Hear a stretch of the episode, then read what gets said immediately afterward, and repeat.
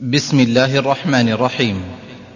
يسر إخوانكم في تسجيلات القادسية الإسلامية بالدمام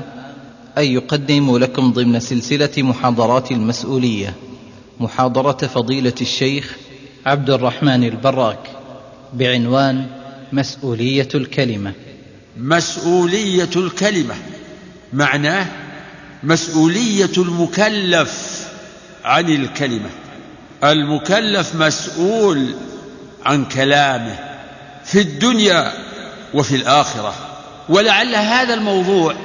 في نظري أهم الموضوعات التي اعتمدت لهذه السلسلة من سلسلة المحاضرات وذلك لعظم خطر الكلمة وعظم شأنها في الخير والشر الكلمة عظيمة الشأن في الخير والشر وهو أي الكلام أكثر ما يصدر من الإنسان من الأفعال يعني كلام الإنسان أكثر من أي فعل آخر يزاوله أو يفعله بجوارحه من سمع وبصر ويد ورجل الكلام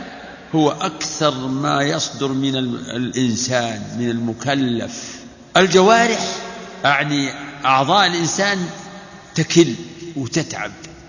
أما اللسان فإنه عضو لين ومطاوع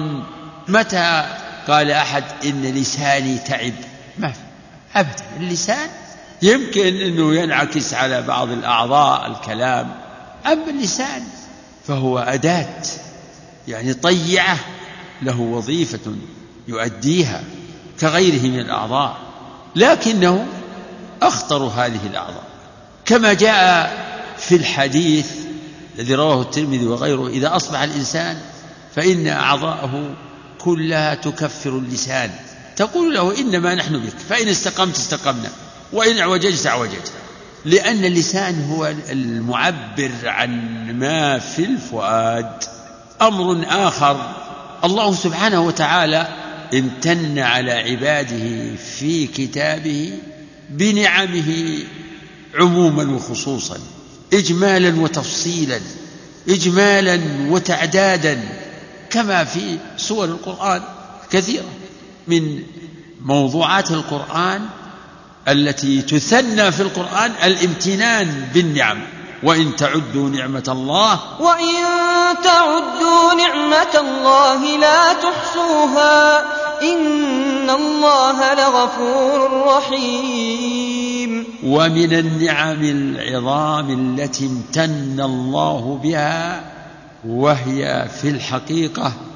من خصوصيات الإنسان نعمة البيان قال الله تعالى الرحمن علم القرآن خلق الإنسان علمه البيان علمه البيان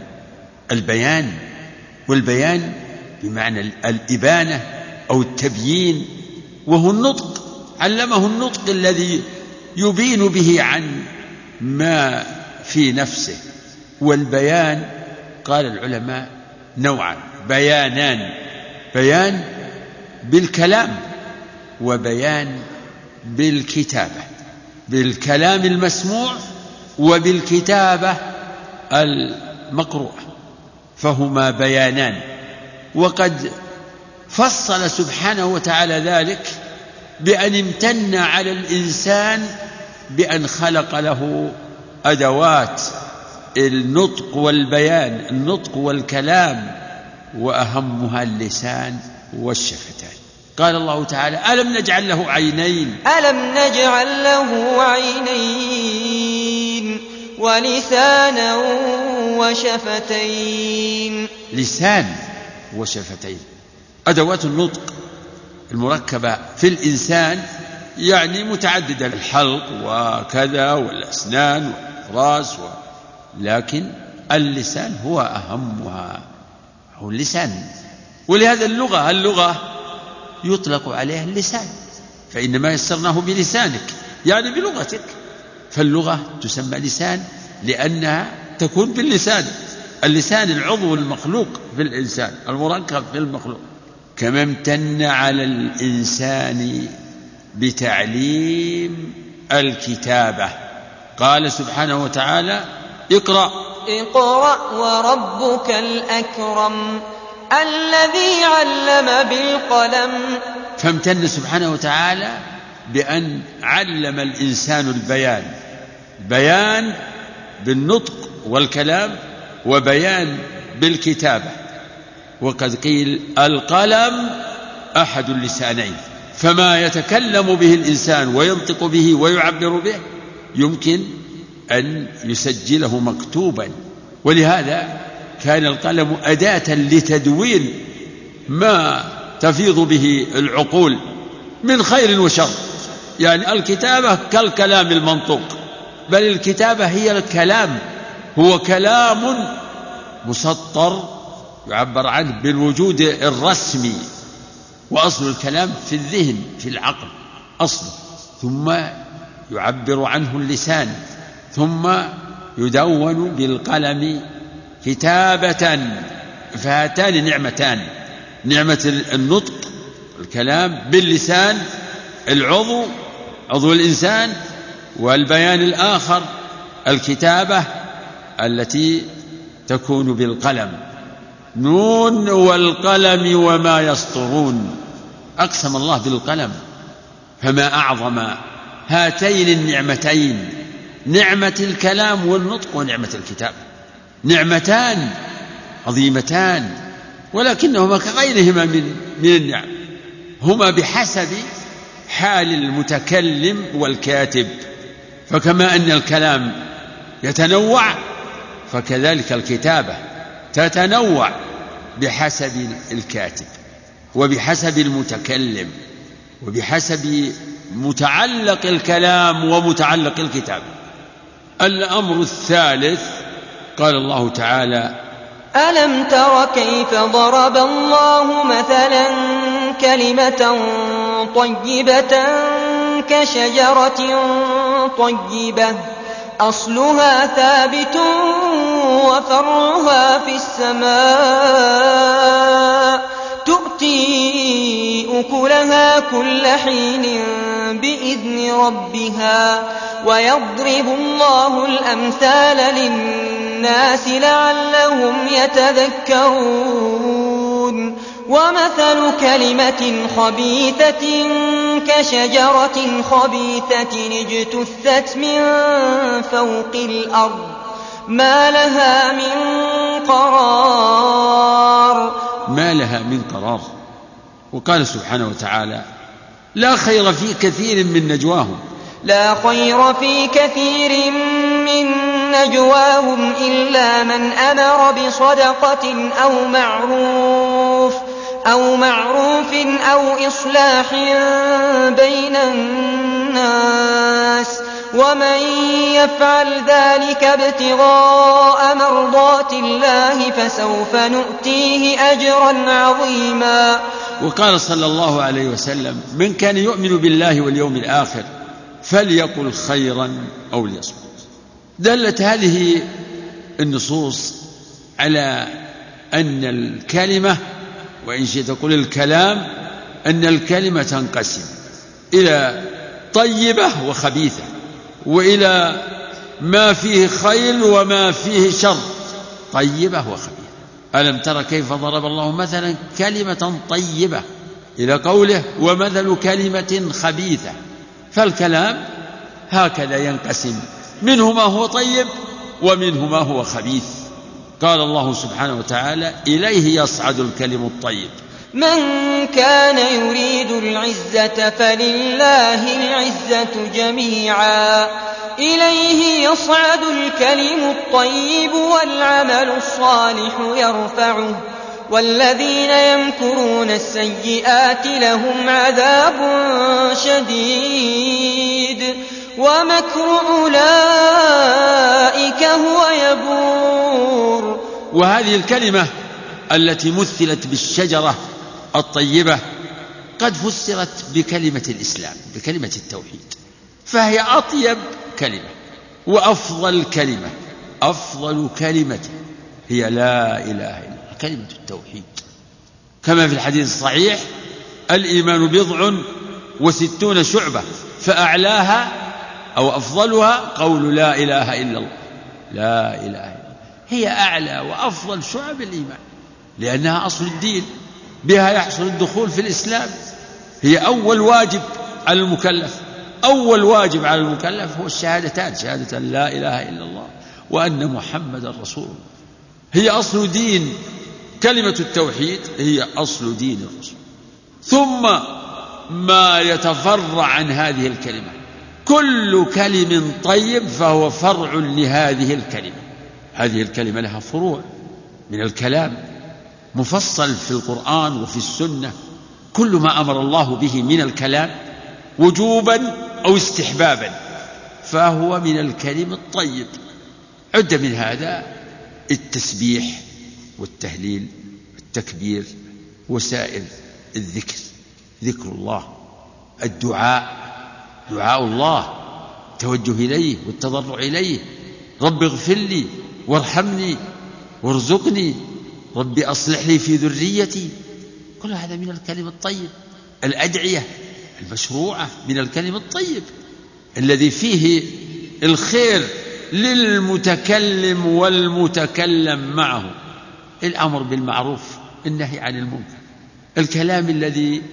به الإصلاح بين الناس لا خير في كثير من نجواهم إلا من أمر بصدقة أو معروف لعل عطف المعروف على الصدقة من عطف العام على الخاص أو إصلاح بين الناس فالإصلاح بين الناس هو من المعروف والأمر بالصدقة من المعروف لا خير في كثير من نجواهم أكثر كلام الناس لا خير إما أن يكون من يعني الكلام الذي لا خير فيه إما أن يكون محرما أو مكروها أو فضولا فضول الكلام الذي هو ضياع ضياع للأوقات وضياع للأذهان والأعمال فضول لا خير في كثير من نجواه إلا من أمر بصدقة أو معروف أو إصلاح بين الناس ومن يفعل ذلك ابتغاء مرضات الله فسوف نؤتيه أجرا عظيما فهذا كله من الكلم الطيب هو من فروع الكلمة الطيبة التي كالشجرة الطيبة التي أصلها ثابت وفرعها في السماء كلمة من ذلك التواصي التواصي بالحق التواصي بالصبر كما نص الله على ذلك ومن الكلم الطيب الدعوة إلى الله بالقلم وباللسان باللسان وبالقلم الدعوة إلى الله تكون بأمر الخلق بما أمر الله به بدعوتهم إلى الدخول في الإسلام بدعوتهم إلى طاعة الله بدعوتهم إلى الفضائل بتحذيرهم من الكفر والفسوق والعصيان هذا كله يندرج في الكلم الطيب بل من الكلام ما أصله مباح لكنه بالنية الصالحة يكون عبادة فيكون من الكلم الطيب مثل أي كلام يريد به الإنسان الخير يؤانس جليسه يؤانس أهله يؤانس ولده أصل الكلام من هذا النوع هو مباح لكنه إذا استحضر الإنسان النية فيه وأراد به القربة إلى الله كان عبادة فكان من الكلم الطيب الذي يصعد إلى الله فيثاب عليه العبد وفي المقابل المثل الثاني ومثل كلمة خبيثة هي كلمة الشرك مقابلة لكلمة التوحيد كلمة الكفر هي أخبث كلمة كما أن كلمة التوحيد هي أطيب الكلمات لاشتمالها على أعظم المعاني شهد الله أنه لا إله إلا هو والملائكة شهد الله أنه لا إله إلا هو والملائكة وأولو العلم قائما بالقسط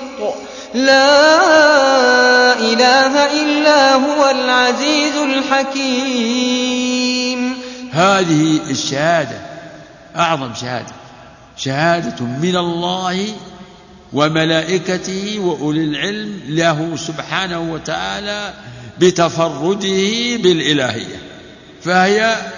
أعظم شهادة من أجل شاهد بأجل مشهود به يقابلها نقيضها كلمة الكفر كثيرة أنواعه كل ما يناقض مقتضى الشهادتين وحقيقة الشهادتين شهادة لا إله إلا الله كل ما يناقضهما من الكلام فهو من ذلك دعاء غير الله استغاثة بالأموات والغائبين خذ الاستهزاء بآيات الله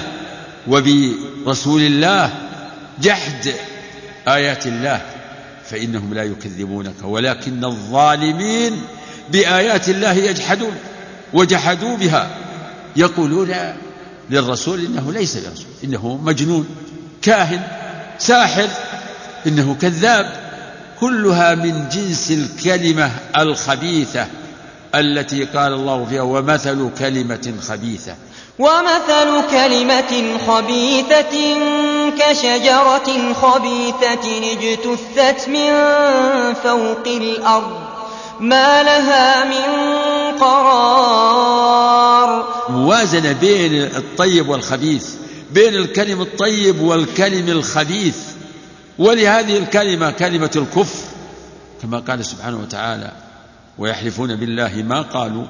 ولقد قالوا كلمة الكفر ولقد قالوا كلمة الكفر وكفروا بعد إسلامهم وهموا بما لم ينالوا وفروع هذه الكلمة فروع الكفر هي الكلمة المحرمة الكذب والغيبة هذه فروع يعني لا تبلغ منزلة كلمة الكفر الكذب والغيبة والسخرية بعباد الله السخرية يا أيها الذين آمنوا لا يسخر قوم من قوم يا أيها الذين آمنوا لا يسخر قوم من قوم عسى عسى أن يكونوا خيرا منهم ولا نساء من نساء عسى أن يكن خيرا منهم ولا تلمزوا أنفسكم ولا تنابزوا بالألقاب بئس الاسم الفسوق بعد الإيمان ومن لم يتب فأولئك هم الظالمون يا أيها الذين آمنوا اجتنبوا كثيرا من الظن إن بعض الظن إثم ولا تجسسوا ولا يغتب بعضكم بعضا أيحب أحدكم أن يأكل لحم أخيه ميتا فكرهتموه واتقوا الله إن الله تواب رحيم وعدد من أنواع الكلم الخبيث كل كلام محرم شهادة الزور التي قال فيها الرسول عليه الصلاة والسلام ألا أنبئكم بأكبر الكبائر قالوا بلى يا رسول الله قال الشرك بالله وعقوق الوالدين و وشهادة الزور ألا وقول الزور ألا وشهادة الزور فما زال يكررها قال الصحابي حتى قلنا ليته سكت كذلك السخرية بالمؤمنين كذلك مدح الباطل وذم الحق ومن الكلم الخبيث المتفرع الكفر أو النفاق أو مرض القلب إذا الكلام هو قسمة طيب وخبيث بين ذلك الكلام المباح الذي ذكرت شيئا عنه إما أن يكون فضولا تركه أولى وإما أن تقترن به نية صالحة فيكون من الكلم الطيب ومن الكلام الذي فيه خير قال صلى الله عليه وسلم من كان يؤمن بالله واليوم الآخر فليقل خيرا أو ليصمت يقول النووي رحمه الله أخذا من هذا الحديث ينبغي للمكلف أن يحفظ لسانه عن كل كلام لم تظهر فيه المصلحة فإن تساوى الكلام وتركه في المصلحة فتركه خير أو فتركه أولى فإن الكلام المباح يعني الكلام الفضول فإن الكلام قد ينجر إلى حرام أو مكروه والسلامة لا يعدلها شيء هذا الكلام مستمد من ممن من كلام من أوتي جوامع الكلام من قوله عليه الصلاة والسلام من كان يؤمن بالله واليوم الآخر فليقل خيرا أو ليصمت اسكت بعد هذا أيها الإخوة نأتي إلى ما يقتضيه عنوان المحاضرة مسؤولية الكلمة وقلت لكم في أولا مسؤولية الكلمة يعني مسؤولية المكلف عن كلمته عن كلامه مسؤولية الكلام أي المسؤولية عن الكلام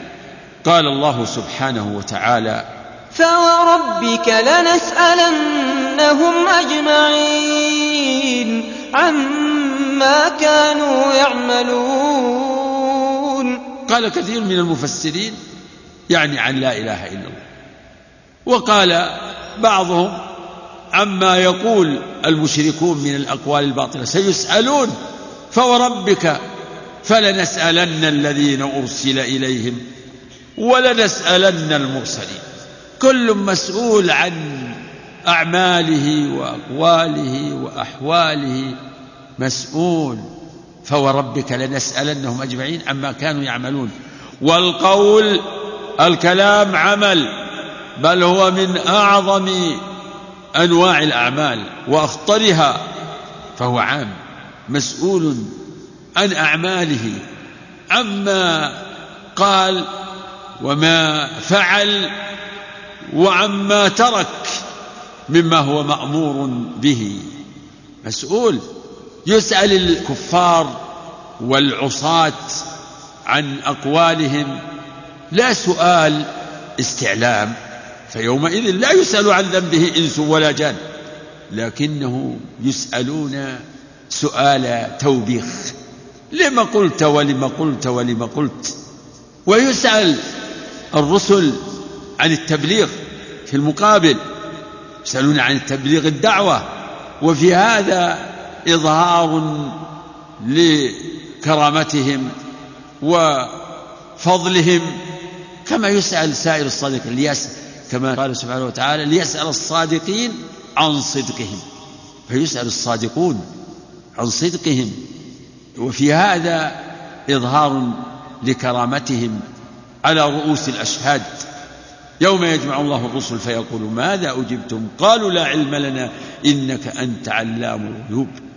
عيسى يقول الله له سبحانه وتعالى أنت قلت للناس اتخذوني وأمي إلهي من دون الله قال سبحانك ما يكون لي أن أقول ما ليس لي بحق وفي هذا إظهار لكرامته وإظهار لصدقه ما قلت لهم إلا ما أمرتني به أن اعبدوا الله ربي وربكم وفي هذا إخزاء للنصارى الذين اتخذوه وأمه إلهين من دون الله افتراء على الله وافتراء على المسيح فالكل مسؤول عن عما يقول وما يعمل مسؤول عن كل النعم فيومئذ ثم لتسألن يومئذ عن النعيم ثم لتسألن يومئذ عن النعيم مسؤولية مسؤولية عظيمة مسؤولية الآخرة وأنا أشرت في أول الكلام أنه أيضا في مسؤولية في الدنيا مسؤولية الدنيا تتعلق بما شرع الله من الأحكام للأقوال الإنسان إذا تكلم بكلام تجاوز فيه حدود الله فإنه لا بد أن يسأل وأن يقام عليه حكم الله فإن تكلم بكلمة الكفر وصار مما صار به مرتدا فإنه يساءل ويقام عليه حكم الله وإذا تكلم بمنكر كذلك حوسب على ذلك وأنكر عليه وعزر ومن ذلك مثلا ما شرع الله من حد القذف والذين يرمون المحصنات ثم لم يأتوا بأربعة شهداء والذين يرمون المحصنات ثم لم يأتوا بأربعة شهداء فاجلدوهم ثمانين جلدة ولا تقبلوا لهم شهادة أبدا وأولئك هم الفاسقون هذا من مسؤولية الكلمة مسؤول عن كلمته فالإنسان ليس حرا في تصرفه في هذه الحياة بل هو عبد يجب أن يتقيد بشرع الله ومن ذلك في كلامه ليس للإنسان أن يتكلم بما شاء وبما عن له بل عليه أن يقف وأن يقدر خطر الكلمة فالكلام الله أكبر أخبر سبحانه وتعالى أنه تعالى وكل بالإنسان من يرصد عليه كلامه ما يلفظ ما يلفظ من قول إلا لديه رقيب عتيد ما يلفظ من قول نكر في سياق النفي فتعم يكتب ويرصد على الإنسان كل ما يتكلم به هذا شيء لا نتصور يعني هذه المقدرة وهذه الإحاطة ما يلفظ من كلام يعني كل إنسان موكل به من يرصد كلامه موكل به من يرصد أعماله بما فيها الهموم الهموم في القلوب وإن عليكم لحافظين كراما كاتبين يعلمون ما تفعلون يعلمون ما تفعلون هذا عام في هموم الإنسان في باطنه وفي قلبه وإراداته وعزماته وأعماله أعمال القلب ويشمل أقوال اللسان كذلك لأنه من أهم ما يصدر على الإنسان الكلام فهو مرصود يعني جعل الله على الإنسان وكل به من يعني رصدا يرصد كلامه يحصي عليه الكلام يحصى عليه أحصاه الله ونسوه يحصى على الإنسان الأعمال مثاقيل الذر فمن يعمل مثقال ذرة خيرا يره فمن يعمل مثقال ذرة خيرا يره ومن يعمل مثقال ذرة شرا يره هذا شامل للأعمال كلها ومنها الأقوال كلمة يسيرة لعله مما يستشهد لهذا ما ورد أن امرأة قالت لابنها تعالى أعطيك تمرة فجاء ولم تعطه وكان الرسول صلى الله عليه وسلم حاضرا وسمع منها ذلك فقال إنك لو لم تعطيه كتبت عليك كذبة صغيرة يمكن أن تكون هذه مما نمثل به لمثقال الذرة وقد تكون الذرة دون ذلك مثاقيل وقال سبحانه وتعالى ونضع الموازين القسط ليوم القيامة ونضع الموازين القسط ليوم القيامة فلا تظلم نفس شيئا وإن كان مثقال حبة من خردل أتينا بها وكفى بنا حاسبين مثاقيل الذر والله إننا لم نقدر هذا الخطر كم نتكلم وكم نفيض في الكلام ولا نشعر بمسؤولية الكلمة ما نشعر يا إخوان بمسؤولية الكلمة نحن الآن نعرف هذا يعني كما يقال نظريا نعرفه نظريا لكن تطبيقا عمليا في واقعنا بعد عن تقدير هذه المسؤولية لا إله إلا الله من كان يؤمن بالله واليوم الآخر فليقل خيرا أو ليصمت هاتوا المجالس التي نقضي فيها حاس لا يكاد المجالس الآن لا تكاد تخلو عن لا عن الفضول بل عن الكلام المجالس هذه التي يقصد منها التسلية وتقطيع الوقت يقف بعض الناس واقفا على قدميه الساعات الوقت الطويل يتكلم ولو رجعنا إلى موضوع هذا الكلام ومضمون هذا الكلام في هذا الوقت نجده إما فضولا وإما محرما وإما مكروها سبحان الله قال سبحانه وتعالى ولا تقف ما ليس لك به علم ولا تقف ما ليس لك به علم إن السمع والبصر والفؤاد كل أولئك كان عنه مسؤولا لا تتكلم بما لا هذا من مما يجب الاحتياط فيه والحذر لا تتكلم بما لا علم لك به لا تدعي انك رايت ولم ترى وانك سمعت ولم تسمع او انك تعتقد كذا وتريد كذا وانت بخلاف ذلك لا تقف ولا تظن ايضا الظن يدخل في مسؤوليه الفؤاد ولا تقف ما ليس لك به علم لا تتبعه ولا تقل ما لا علم لك به واخطر ذلك واقبحه القول على الله فان هذا من اعظم القول على الله بغير علم في ذاته او صفاته او افعاله او احكام دينه احكام دينه لا تقل لا تصف الله بما لم يصف به نفسه ولا تسمه بما لم يسمي به نفسه ولا تضف إليه من الأفعال ما لم يأتي به كتاب ولا سنة ولا تتكلم في كيفية ذاته وصفاته فكل ذلك من القول عليه بغير علم وأن تقولوا على الله ما لا تعلمون وكذلك في شأن الناس لا تقل على أحد بغير علم رمي الإنسان أو رمي الناس بما ليس فيهم ومن يكسب خطيئة أو إثما ومن يكسب خطيئة أو إثما ثم يرم به بريئا فقد احتمل بهتانا وإثما مبينا القذف الموجب للحد كالقذف بالزنا أو القذف بما دون ذلك مما يوجب تعزيرا كل ذلك من من المنكرات مما يسأل عنه الإنسان في الدنيا ويحاسب عليه ويستوجب عليه العقاب الشرعي وإن نجا من ذلك لم ينجو من سؤال الآخرة يوم القيامة إذا يعني خلاصة القول في هذا إن الإنسان مسؤول عن كلامه لم قلت كذا بل ولم لم تقل أحيانا لأن الكلام قال العلماء أنه ينقسم إلى واجب ومستحب ومكروه وحرام ومباح فيسأل عن ما تكلم به من الحرام لما لما قلت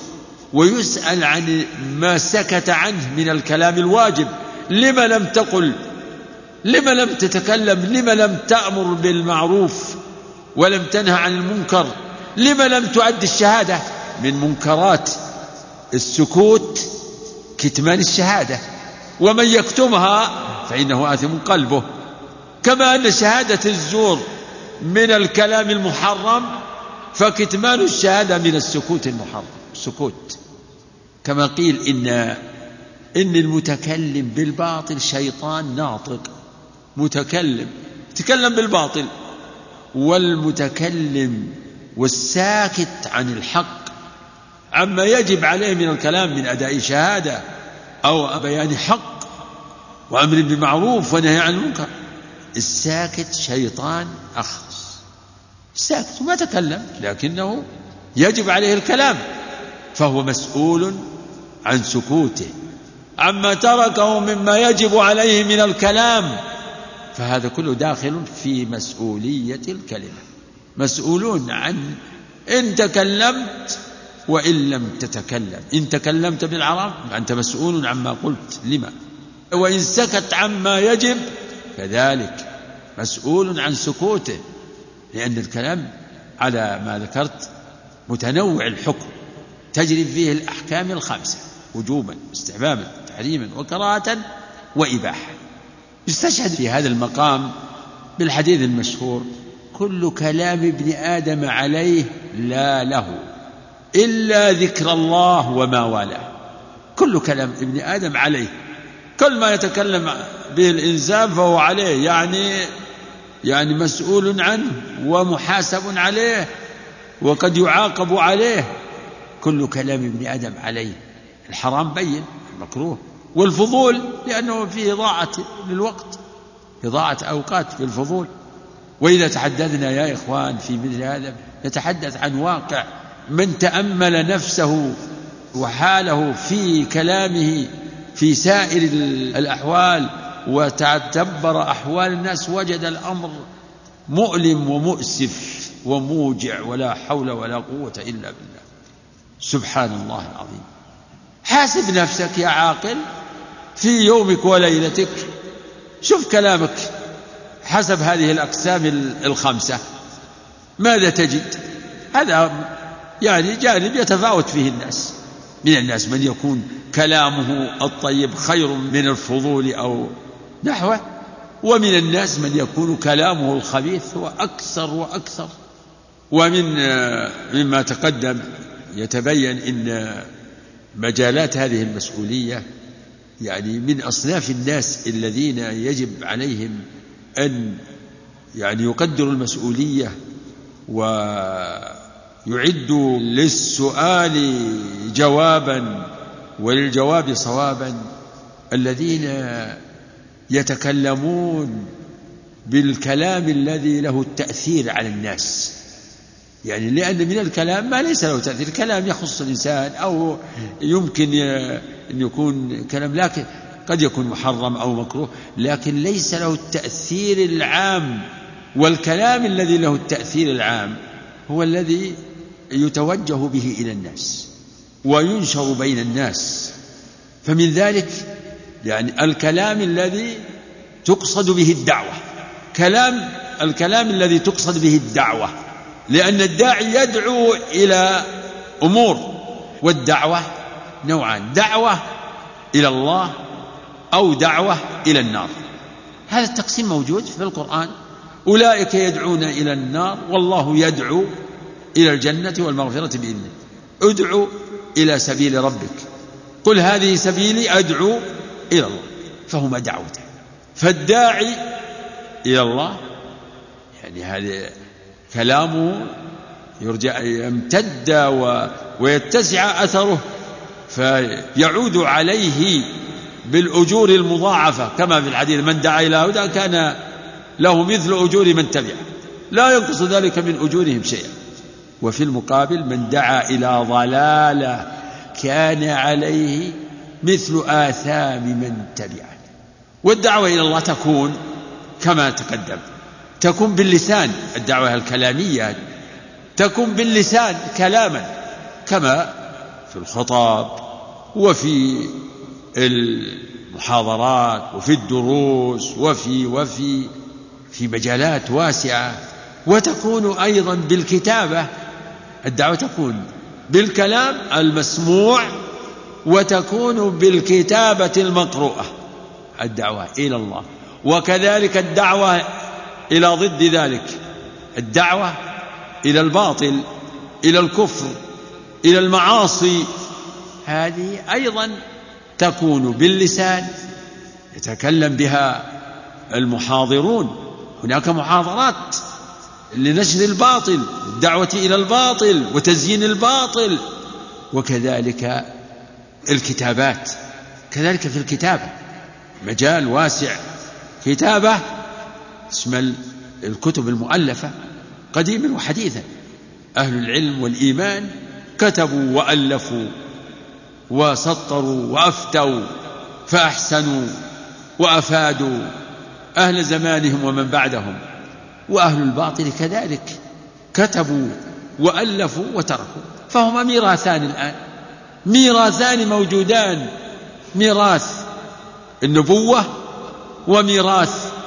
أعداء الله وأعداء الرسل وأشباههم من المنافقين والكافرين ومن جرى مجراهم وسلك سبيلهم وفي هذا العصر عظم أثر الكلمة مسموعه او مكتوبه لما توفر من وسائل البث والنشر وايصال الكلام ووسائل ايصال الكلام او الكتابه فبسبب ما توفر من هذه الوسائل الهائله عظم خطر الكلمه خيرا وشرا فالكلمة الطيبة تبلغ آمادا بعيدة والكلمة الخبيثة كذلك وكذلك يشترك في استثماره في استثمار هذه الوسائل أصناف الناس على اختلاف توجهاتهم وأفكارهم يستثمر هذه الوسائل العلماء والدعاة إلى الله بحسب مراتبهم يستثمرونها لنشر العلم والدعوات والفتاوى وكذلك الكتاب الصالحون وفي المقابل يستثمرها المنافقون والكفار والفساق فهي ادوات بالغه الاثر في ايصال الكلمه مسموعه ومقروءه فلهذا كان الان هذه الوسائل من أخطر ما يكون ولما كان الغالب على من يتسنم هذه الوسائل هم الكفار أو المنافقون أو الفساق أو جهلة الغالب عظمت بسبب ذلك الفتنة والمحنة على الأمة الإسلامية فهذه وسائل الإعلام القنوات المتلفزة الإذاعات الصحف بأنواعها اذهبوا إلى المكتبات اذهبوا وتعلمون بالأخبار هذه الآن المجامع المقاهي التي توضع فيها الأجهزة لاستقبال البث من مختلف القنوات ماذا تنشر ماذا تبث هذه القنوات من الباطل من الكلم الخبيث مقرونا بالافعال الخبيثه وقل مثل هذا في الاذاعات وقل مثل هذا في الصحف اذهبوا الى المكتبات قلبوا دوروا صحيفه اسلاميه بل معظم هذه الصحف وما تحويه اما من نوع المنكر الحرام واما من الفضول واما من المرذول فلهذا كان يعني الغالب على الإعلاميين الغالب عليهم هو نشر الباطل من القول إما كفرا أو معصية أو دعوة دعوة دعوة دعوة إلى معصية هذا هو الغالب وفيها تلك الصعب في خضم هذا النشر نتفا وأشياء من الطيب الذي يوضع في أوساط هذا العفن الكثير ومن أصول خطط الإعلام الازدواجية والتنويع من أجل أنواع القراء وما وقد يقصد ببعض ما ينشر قد يقصد به التمويه ببعض ما ينشر من الخير يعني والكلام الطيب يقصد به التمويه والترويج والتضليل ولهذا بعض مثلا المواقع من القنوات او الاذاعات او الصحف مما ينبغي عدم المشاركه فيها لان في المشاركه فيها تضليل للناس واغترار يغتر بالناس بما اذا وجدوا مثل هذا فلان أو هذا الموضوع يعرض ولهذا تجد الخير يعني ممزوج بين الباطل تجد الموضوع الشرعي أو الموضوع العلمي أو آه، الديني كما يقولون محفوف بنوع من الباطل قبله وبعده وفي أثنائه ليس هناك فرقان كما أن وسائل الإعلام من الباطل الذي تحمله المدح الكاذب والذم الكاذب فيتنطلق يعني أكثر الكتاب لا ينطلقون من مبدأ يعني صحيح لا ينطلقون من دوافع فلهذا كانت كان الكاتبون والمتحدثون في هذه الوسائل يعني نوعا فيهم من يدعو إلى الخير ويدعو إلى الفضيلة بنية صالحة ومنهم وهم الأكثر من يدعو إلى الباطل هذا هو الغالب وتعجبني أبيات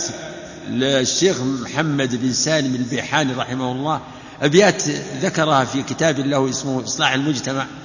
يقول عن الصحفيين وأرى الصحافيين في أقلامهم وحي السماء وفتنة الشيطان يعني فيهم الكاتب الإسلامي العاقل المصلح وفيهم من يدعو إلى الباطل والشر والفتنة وحي السماء وفتنة الشيطان فهم الجناة على الفضيلة دائما وهم الحماة لحرمة الأديان يعني منهم ومنهم ويذكر في عن حالهم في المدح والذم يقول فلربما رفعوا الوضيع سفاهة ولربما وضعوا رفيع الشان وهذا هو المشاهد والمسموع والمقروء وفي الختام علينا أن نتواصى بما وصانا الله به ورسوله صلى الله عليه وسلم وهو حفظ هذا اللسان الرسول صلى الله عليه وسلم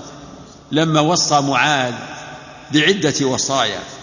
بعدما سأله قال له يا رسول الله أخبرني بعمل يدخل الجنة ويباعدني من النار قال لقد سألت عن عظيم وإنه ليسير على من يسره الله عليه فأمره بأركان الإسلام الخمسة ثم قال لا أدلك على أبواب الخير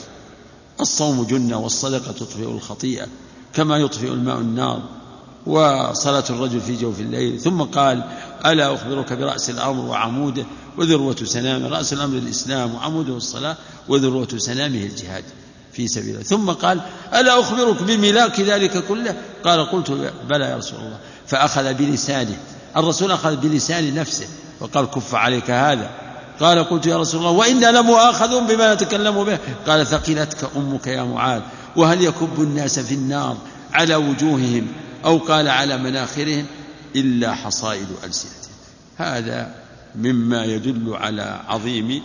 خطر اللسان على الإنسان وهو كما تقدم أداة ونعمة من نعم الله فهو كما قيل ذو حدين أداة ما أعظم أثرها في الخير وأعظم أثرها في الشر فنسأل الله أن يستعملنا وإياكم بطاعته وأن يعيذنا من شرور أنفسنا ومن شرور جوارحنا نسأل الله أن يستعملنا ويستعمل جوارحنا في طاعته وفي أسباب رضاه إنه تعالى على كل شيء قدير وصلى الله وسلم وبارك على عبده ورسوله وتقبلوا تحيات إخوانكم في تسجيلات القادسية الإسلامية بالدمام